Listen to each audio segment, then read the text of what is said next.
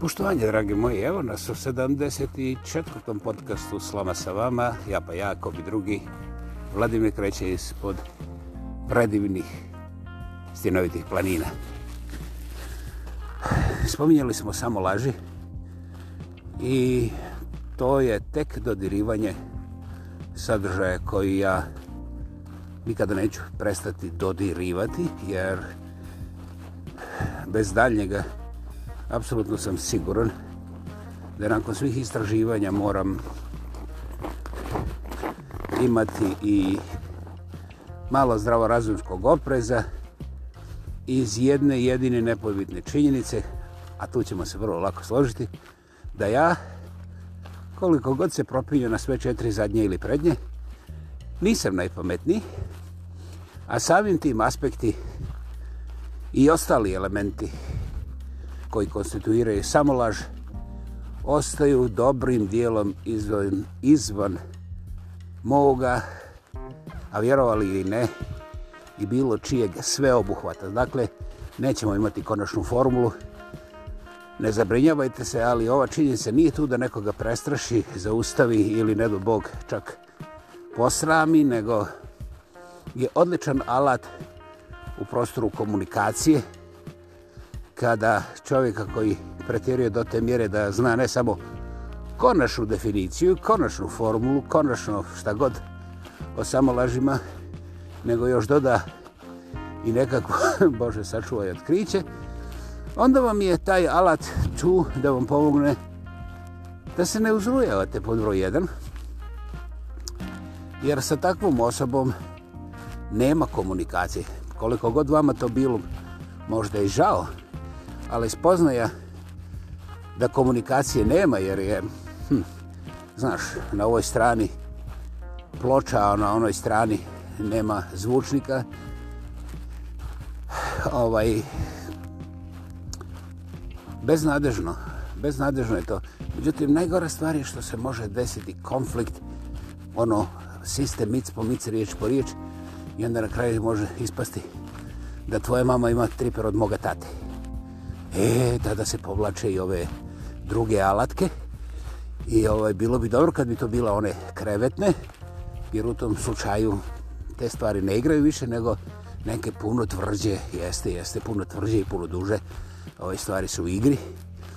I onda već dolazimo u predvodje besmisla, koje naravno mora biti utopljeno u krv. Dakle, tu priču ostavljamo. Međutim, ja ću napraviti nekoliko malih slikica. Možete ih nazvati ma, ekološke e, ispovjede, samo ispovjede. E, zašto ekološke? He, javit će vam se, ovaj, samo ću vam se reći. Naime, ja sam cijelog života gledao u te vrhunske umjetničke radove i kako smo god prilazili u ovo moderno dobu, recimo one tamo iz ovoga renesanse ovaj ne znam kako ali mogu razumjeti mislim nema nigdje bicikla na glavi vola koji ima žarulju u guzici razumiješ dakle a, fotografije su bile ne samo fotografije nego inače umjetnost je bila gotovo hiperrealistična i nije bilo grubo govoreći tumačenja nego Bog je stvorio najljepše, a ti možeš samo slikati to Božje ukoliko si sposoban da to uradiš hiperrealistički. Ćao, bao, završeno. Onda su došla neka druga vremena i ja bih ovdje skratio ravno na Gerniku koju uh, nije stvar da ja ne bi stavio u svoju kuću, nego bi me bilo strah, na primjer, da mi neko ne uvali to mojoj djeci u spavaću sobu ovaj ono baš se onako zdravo plašim kad govorim djeci govorim onima do 10 godina ovaj a ovi odrasli oni čim nešto nauče oni će reći wow Picasso razumiješ i tu se završava, završava sve jer to je kao važno nije lažno i cijeli svijet se tu klanja, završena priča, ne možeš ni slučajno ništa protiv Picasso, hej, šta ti je, koje bolesti te muče. Znači, ta etičko-estetska forma Gernike, ali prije svega njene poruke svijetu, za mene je nakon puno godina podučavanja, proučavanja, razgovaranja i svega toga, postala onako baš zdravo jasna. Dakle, meni je jasno na što je umjetnik reagirao i meni je jasno da on ne crta hiperrealističku sliku ni španske revolucije, a ni konkretnih psiho karakternih formacija ljudi koji su to doba preokrenuli na glavačke. Međutim, njegov izraz je pogodio nešto što je korespondiralo sa ne samo ljudskim okom i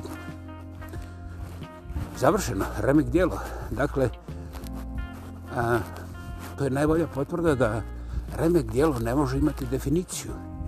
Jer a, u svjetskom slikarstvu prije Gernike, ono, ko se usudio da šeta izvan tih uglavnom hiperrealističkih slikarskih formata i ovaj koje mogu pretpostaviti da bi te nekakve šire mase mogle reagirati na nešto što kad gledaš ovako sa strane ono baš zdravo liči na neko strašilo. I tako smo ušli u moderno doba. Šta se desilo, kako se desilo, ja svakako nisam likovni kritičar, analitičar, a pogotovo ne znalac. Međutim, gledano sa strane, uh, a onda kasnije, barem u prostoru vizualnog, što je više e, nejasnog, abstraktnog ili kuta iz kojeg, recimo u fotografiji kut, iz kojeg niko ne gleda, e, ta fotografija onda dobra i uspješna. Ovaj, da li ja to mogu shvatiti? Zaboravite, moje shvatanje je nevažno. Međutim, od većine tih e, vrhunskih takozvanih fotografija, ujedinih fotografija, jedan veći dio ja ne bih stavio u svoju kuću na zid. Ne zato što to smatram ružnim ili zato što to smatram preinteligentnim pa bi ja morao svaki put da razmišljam šta je umjetnik htio reći ili kako je moguće da u Luji uzme fotografiju broda koji se valja na velikim valovima, a on stoji ispred broda. Mislim, hej, ne zanima me ta tehnika, ali zastrašujuće mi je pomisliti da u oluji neko fotografira brod dok se muči sa teškim valovima, a istovremeno staviti valove u svoju dnevnu sobu da mi se mučka cijeli stomak dok ručam. Znate šta, izvolite vi, uzmite i moj dio. Dakle, Mogu li upotrebiti riječ mistika? No, nekle može. Ako je nešto onako, što bi rekao narod, zakukuljeno, zamuljeno, hehehe, onda je to vjerovatna umjetnost. Tako da se pojavio jedan, jedan nevjerovatan broj ovih intelektualaca, jel? To su svi ovi koji smatraju da mogu preokrenuti svijet sa jednom fotografijom, što ja ne smatram smiješnim. Ali znam da je opasno jer eh, dok je, na primjer, nekoliko miliona ljudi zaokupljeno da jednom fotografijom nešto promijeni, meni se čini da isto toliko miliona ljudi debelo promašuje princip nekakvih ljudskih, nazovimo to, minimalnih obaveza jednih prema drugima. Ja ne kažem da je, eh, recimo, na primjer, ta umjetnička fotografija bacanje vremena, ali sasvim sigurno kažem da edukacija i društvena svijest ne radi gotovo ništa na tome da ljudima ne predoći jednu neoborevu činjenicu. Od desetak miliona fotografija uzimo od svakog pojedinca po jednu, ovaj, fotografija koja će biti zapamćena, pogotovo u današnje vrijeme. Ne znam, vi uperite prstom koja je, ja je ne vidim. A ono što je zanimljivo, dok nisu došli ovi pametni telefoni, ove kamere koje sad svako ima i u Čenifi, ovaj, fotografija se mogla prodati, može i danas, ali fotografija koja se danas prodaje nije fotografija dominantno umjetnička, nego i izdajnička. Znači, kad zavučeš taj svoj aparat nekome u guzu koji je popularan, ili kad tim aparatom uslikaš opet nekog jednika sa javne scene koji je, eto, prisililo ga papiški na autobuskoj stanici i ne znam što. Znači, dosta dobro smo zaštitili onu našu perverznu, niskorazrednu stranu tog nečega kao ljudskog. Ok.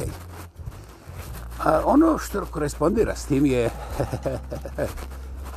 ovaj, da, na primjer, ukoliko čovjek se izražava jasno, znači nedvosmisleno, on je već na drugom koraku, na drugoj rečenici dosadan, na trećoj je glup, na četvrtoj, joj, brote, kad će ovaj sad? Ili slušaj, žurim, ovaj, znaš, imam slona u dvorištu, a ovaj banane su tek dozrele, pa onda ne znam gdje ću nabaviti kikiriki. Čovjek zine u tebi ti kaže, e baš tako, hvala žurim, dođenje. Dakle, nedvosmisleno jednostavno izražavanje bez zakopuljavanja, zakopuljavanja i korištenja lingvističkih i nekih drugih tehnički, recimo neću da uzim sitnice, eskapada je ono, vrlo jasan znak. Interesantno je da se ljudi ne pitaju zašto. Interesantno je da ljudi ovaj više brinu o toj drugoj rečenici i kad će oni prvi upori prstom ko je to kresno nego šta je čovjek htio reći. A još posebno ne šta je u tom njegovom govorenju korisno za njih. Taj dio priče je ne samo nepopularno, nego ono šta izmišljaš. Hvala, hvala. Hvala ti, dobro. To stvara veliko olakšanje onima ljudima među nama koji shvataju da se to neće popraviti za dva dana, da mi koji smo preko 50. nećemo doživjeti nikakav značajni pomak na tome polju, I onda, kako to ide?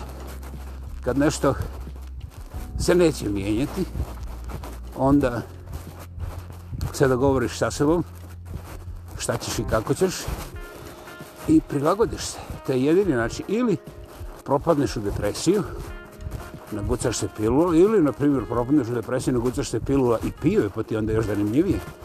Ili ovaj, No, gucaš se za svaki slučaj tih pilula, da si sretan svaki dan, a sad šta bude? Recimo, u zemlji sreće i demokracije Americi službeno oko 135 miliona ljudi, a ne zaboravite, antidepresanti se od prije nekih 30 godina daju i djeci, međutim, ipak brojka je službena 135 miliona je ljudi u Americi na antidepresantima dakle zemlje sreće, zemlje bogatstva, zemlje demokracije, svega toga ima strašne unutarnje konflikte na tom individualnom planu. Ljudi koji nemaju problema sa hranom, koji nemaju problema, mislim, sa količinom hrane, sa količinom novca koji imaju i standarda koji imaju, sasvim sigurno da im je standard bolji nego, recimo, u Zanzibaru, a i u susjednom, ovome nekom drugom. Međutim, ja ću spomenuti Kongo iz nekih razloga. Dakle, siti i bogati ljudi, kao što vidite, nisu zadovoljni, još manje zadovoljeni. Dakle, fali nešto drugo.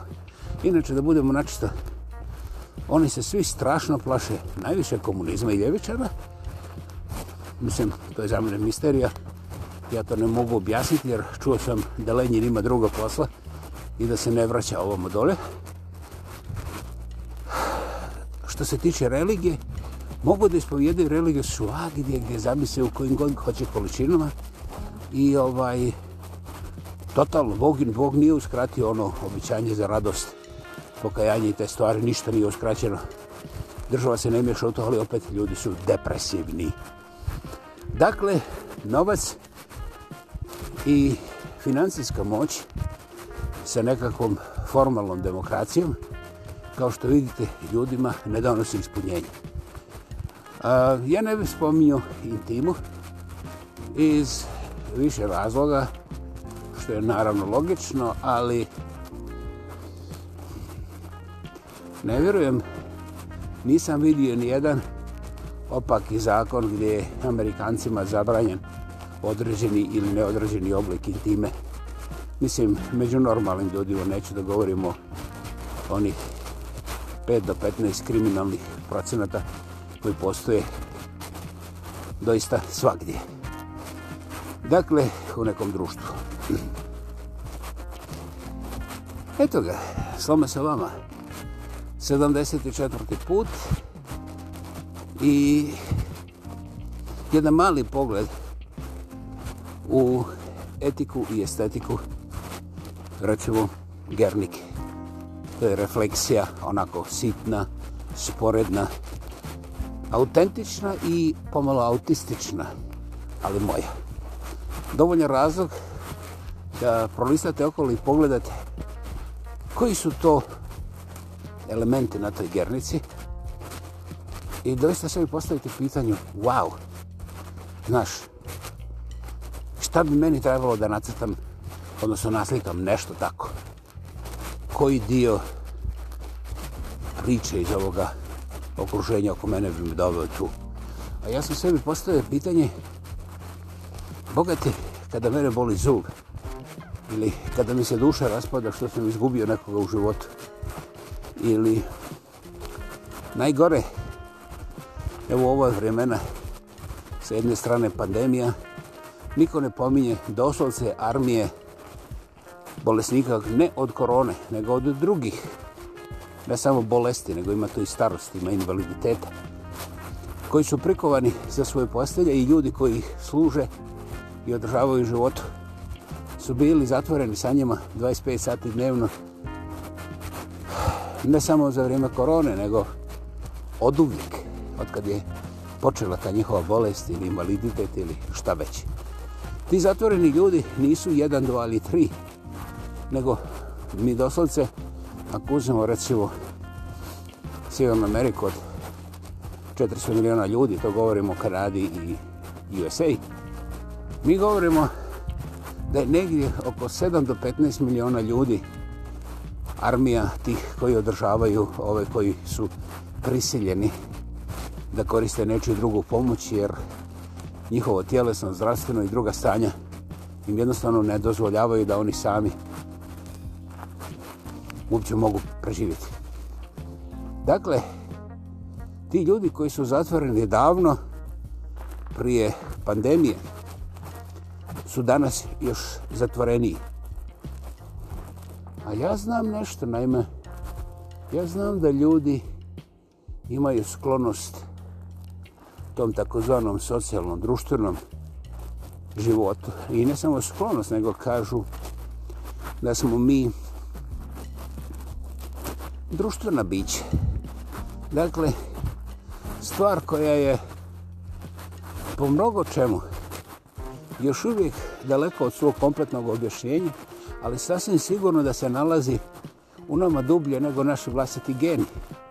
Dakle, nije teško pretpostaviti, to su učinile sve religije i sve velike misli ljudske istorije, da čovjeku treba društvo. Jeste, jeste, čuo sam ja za monahe i čuo sam za ove druge neke čudake i ovaj, ako ćemo se baviti tim švicarskim mjerelima za svaki miligram, onda ništa ne postoji, gospodo, pokušajte da uzmete povećalo, pa gledajte kroz komad cigle ili još bolje kroz komad čelika i ako uvećate 250 miliona puta, onda više nema ništa nego samo energija.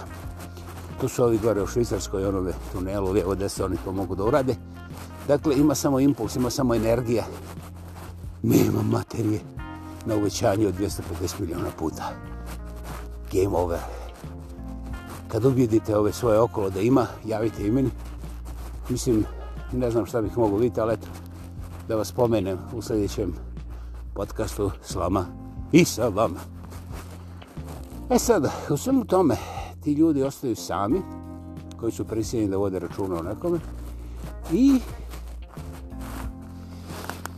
Ne znam koliko ste primijetili da im države stranke i ti pogotovo religijski dušobrižnici pomažu ili koliko ih se sjećaju ili odlaze da porazgovaraju. Opet se vraćam na to da tih 5 do 15% u svakom, u svakoj kategoriji postoji i da su to ljudi koji nisu uzuzeci nego jednostavno postoje kao što postoji kriminalni element u tome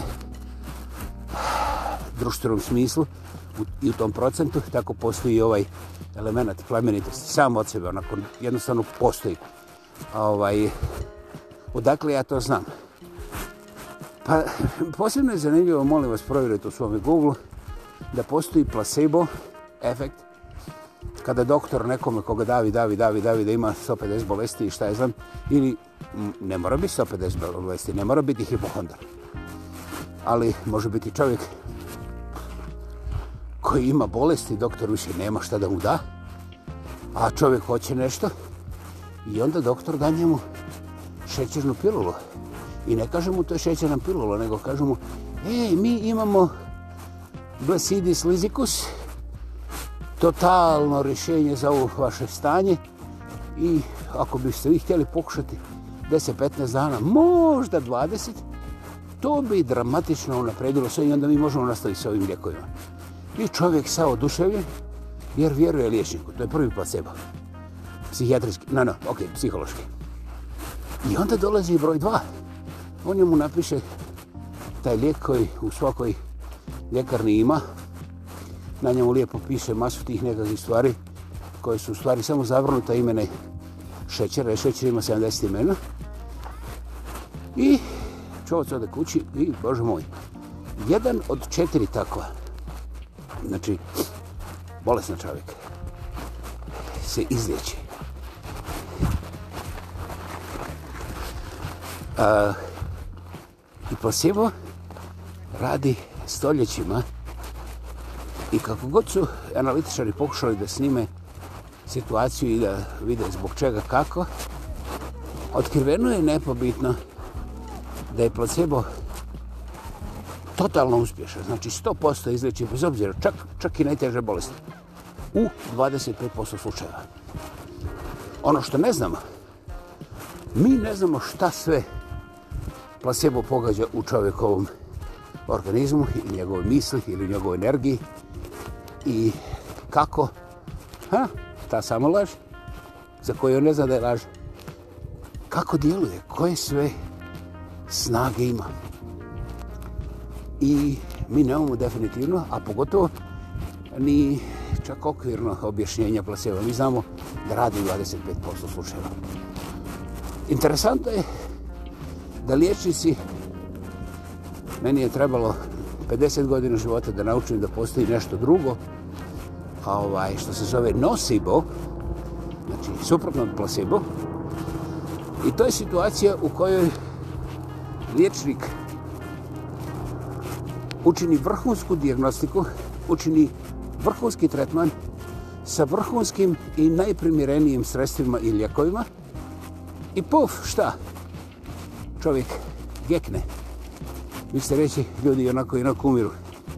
Ljudi, sa tim objašnjenjem ne trebate dalje ići ni u WC, jer ako zadržite svo govno u sebi, puknete onako. Ne morate mi vjerovati, pokušajte neći u WC sljedećih mjesec dana. jedna kad proživite, dođete da mi objasnite ko vam je opro kuhinju, odnosno gdje ste već bili. Dakle, ja jednostavno moram biti cijenik zato što danas uh, većina ljudi nema nikakvo obrazovanje, a čim se spomene nešto, bez obzira da li je to e, svemir, rakete, medicina, podmornice, oni moraju znati detalje. Oni moraju imati ono što se zove radionički crtež. Taj radionički, radionički crtež, čak i u tehničkom smislu, ubija sve i svakoga ko nije u direktnoj izradi. I to samo za taj segment. Jer šta mislite kada bi oni varioci u brodogradilištu dobili radionički crtež cijele podmornice? To bi prije svega bila biblioteka i ti derani bi izgorili u požaru, jer manipulirati sa takvim čudom podataka završen posao. To jest posla neće biti. Dakle, Nosibo opet ima istu misteriju okolo sebe i neverovatno. 25% ljudi koji su izloženi znači fantastičnom liječniku, preciznoj diagnostici, nepogrešivom, nepogrešivom primjeni najboljih lijekova, načina i metoda liječenja oni jednostavno podlegnu. I mi opet nemamo objašnjenje kako se to desilo, zašto se to desilo. Naravno, spekulacije, pretpostavke i neki približni brojevi pokušavaju osjekati fenomen sa razno raznih strana. To je zanimljivo, uzmite malo prolutajte internetom, odličan razlog da pogledate, jer ovo se ne primjenjuje tamo na nekakve iz nekih debelih knjiga, ovo je stvar koja radi i na tebi, dragi moj slušajuće, a ja sam totalno načisto da radi na meni kao na svima. I tu nema nagađanja, nećemo ići na glasovanje. Dakle, tu su placebo, tu su nasiba, placebo i nasiba, zapamtite, radite. I za kraj ću vam pomenuti samo da dogledam na ove parove estetko, estetsko-etičke u toj nekoj poznatoj likovnoj kulturi i povijesti. Pa onda ovamo u nečemu što se ne primjenjuje na medicini placebo i nosivo su primarno kao neki medicinski pojbovi. Postoji milion razloga zbog kojih se ja ne bih složio i nema sumnje da sam ja objasnio to na medicinskim primjerima, ali ne postoji samo tu. Dakle, zašto bi ovo bilo važno? Za šta god poželite. Ne mojte stavljati na palačinke, jer na tople palačinke se ne stavljaju hladni gluposti, okej? Okay?